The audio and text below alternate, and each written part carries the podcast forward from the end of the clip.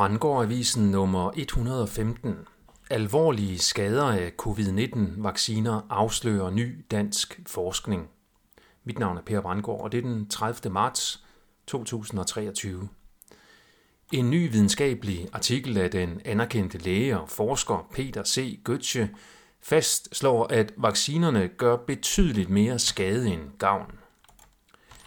Peter C. Götze og Marianne DeMasi har udgivet en videnskabelig artikel med titlen Serious Harms of the COVID-19 Vaccines – A Systematic Review.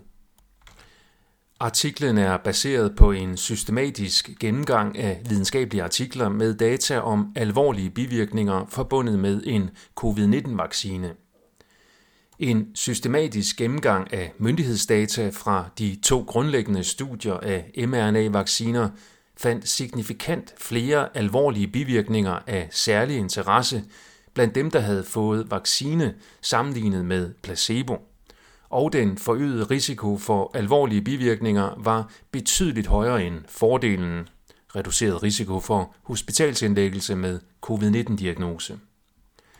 Vaccinerne fra Johnson Johnson og AstraZeneca var forbundet med øget risiko for blodpropper og trombocytopeni, mens mRNA-vaccinerne fra Pfizer og Moderna var forbundet med øget risiko for myokarditis, hjertebetændelse, med en dødelighed på 1-2 per 100 tilfælde. Undersøgelsen fandt også alvorlige neurologiske skader blandt de vaccinerede, som formentlig skyldes en autoimmun reaktion. Resultaterne viser også, at alvorlige bivirkninger, der forhindrer daglige aktiviteter, var underrapporteret i de randomiserede studier. Disse alvorlige livshæmmende bivirkninger var meget hyppige i studier med boosterstik efter fuld vaccination og i et studie af vaccination af tidligere smittede personer. Steigan har bragt en artikel, der afslører, hvem der står bag transagendaen. Agendaen blev dumpet ind i kulturen i 2014, da Laverne Cox, en mand, der hævdede at være blevet til en kvinde, var på forsiden af magasinet Time, der ejes af Mark Benioff.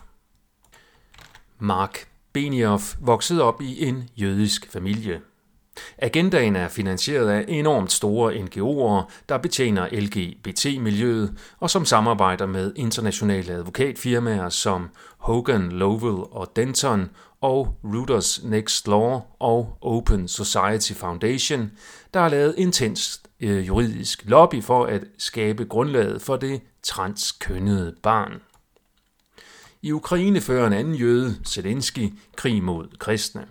Zelensky bruger således nu politiet for at få præster til at forlade et kristent kloster. Præsterne nægter dog at forlade klosteret frivilligt.